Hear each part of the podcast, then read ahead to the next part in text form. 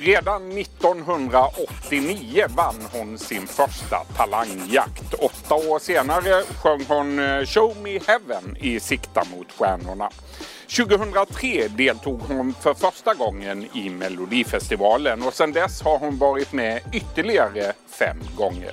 Varmt välkommen hit Shirley Clamp. Tack!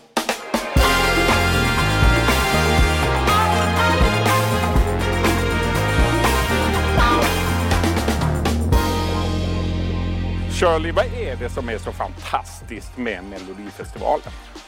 Jag tror att det är barndomsminnena som liksom eh, på något eh, konstigt vis krockar då med, med ens drömmar och så får man helt plötsligt då testa det här själv. Och, Drömde du om Melodifestivalen när sen, du var sen, ja, sen jag hade sett eh, Carola 83. 83 med, med Främling, då var det liksom, det där vill jag testa. Då var du tio år gammal Då var jag tio. och drömde om att stå Ja. på scenen.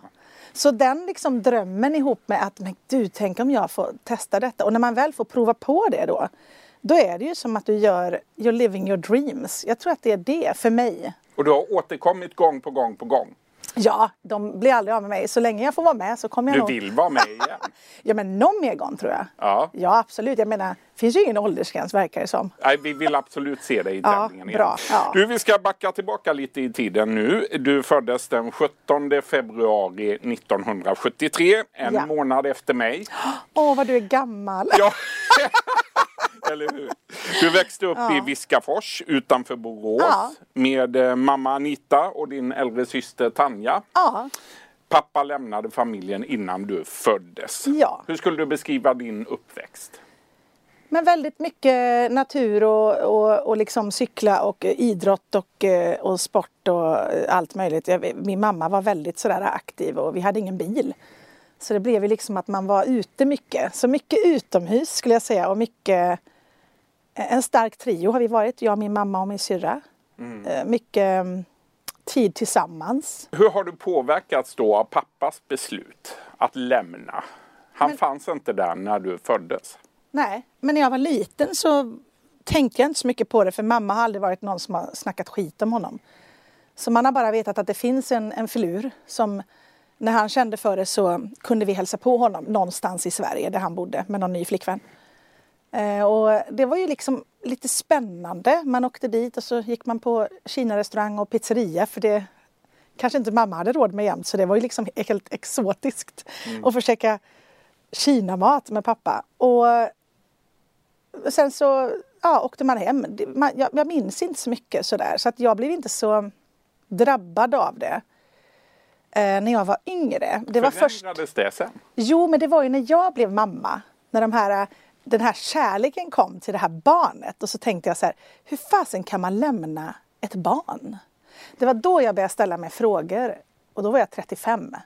Blev du förbannad också?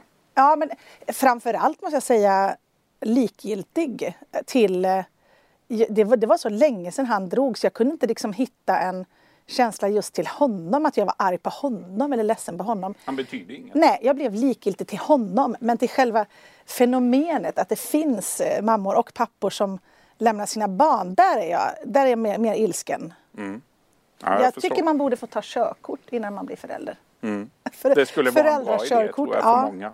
Jo, Din pappa han bor idag på ett hem i Australien på andra Ja. sidan jordklotet. Eh, han har haft en stroke och är svårt sjuk. Eh, och du har ingen kontakt med honom. Nej, men vi, vi har startat en, en, en grupp som man kan göra nu då tack vare sociala medier och allt vad det innebär med mobilen.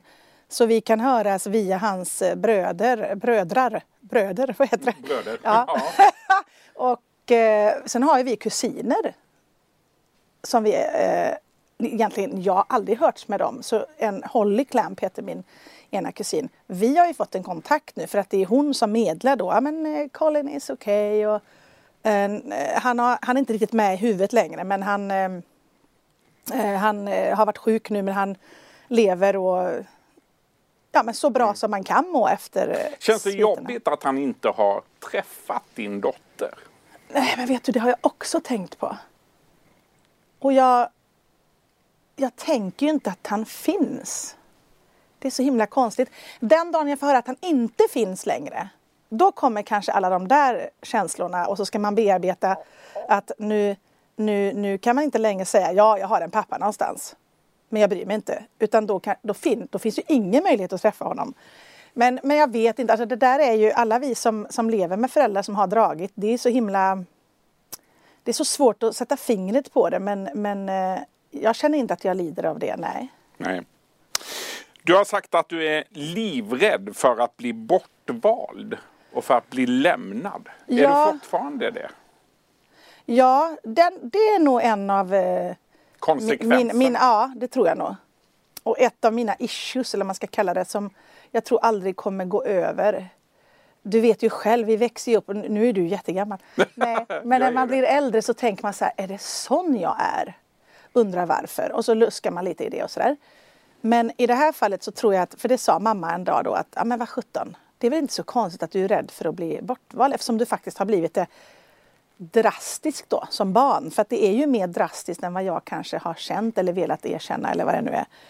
Eh, att bli lämnad liksom så, som ett barn. Men men ja, så det här med att gå, liksom att bara, om du säger så jag älskar dig, då, då är inte jag så här, "Haha, jag älskar dig också, kom så gifter vi oss.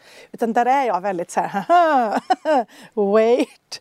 A minute." Nej men då är jag jätte på min vakt liksom, för att jag Mm. vet att det där kan ju ske. Du har också sagt att du har eh, haft dålig självkänsla och dåligt självförtroende i väldigt många år. Vad har det tagit sig för uttryck då? Ja, men dålig självkänsla har jag pratat mycket om. Det är väldigt skillnad på självkänsla och självförtroende. Det har jag faktiskt läst. Jag fattar inte det själv först. Men, men självkänslan är det som... Nej, men jag har ju aldrig riktigt... Eh, om du säger att jag är grym så känner inte jag att jag är det. Jag har haft lite svårt för att liksom känna eh, när folk berömmer mig eller sådär. Jag har lite svårt att ta eh, emot känslor och förvalta dem och liksom Ja, men det, det har väl kanske lite också med, med allting eh, att göra med, med, från, från uppväxten och hit och dit. Men, men eh, vad som är bra med att ta upp det eh, och prata om taskig självkänsla det är ju att, att det går ju att jobba på det. Det, går, det finns ju små knep, alltså det är ju så himla enkelt egentligen. Att bara boosta sig själv. Hur gör du det? Nej, men det kan ju, jag har fått lära mig av en, av en person som jobbar med, med sånt här att man kan skicka mest till sig själv. Att så här, kling! Och så står det så här, fan vad du är bra. Eller så här, Gör du det? Woho! Du är grym. Eller så här, du är bäst. Gud vad snygg du är idag. Eh, förr i tiden så var det väl post-it-lappar så kanske man skrev med läppstift på Mm. Händer det att du spegel. skickar sådana sms? Ja. ja. Och då tänker folk så här, men gud vad löjligt det låter. Fast det där lilla att man läser att man är okej och är bra. Det är, det, det, är så, det är så viktigt för att du ställer in dig på, eller när du får det boostat så, så lever man nästan efter det. Du eh, Shirley, du har blivit mycket hyllad genom åren. Eh, redan 1989 då vann du din första talangtävling. Ja. Sen på 90-talet då hamnade du på Balettakademin i Göteborg. Ja. Du skulle utbilda dig till musikalartist. Och det gjorde du. Ja. Eh, hur såg drömmarna ut på den tiden då? Nej, men för det första hade man ju suttit hemma och tittat på Fame. Och detta var ju Sveriges Fame-skola, den enda på den tiden. Så att den enda som, som jag tyckte var, som jag ville komma in på, så ska jag väl säga.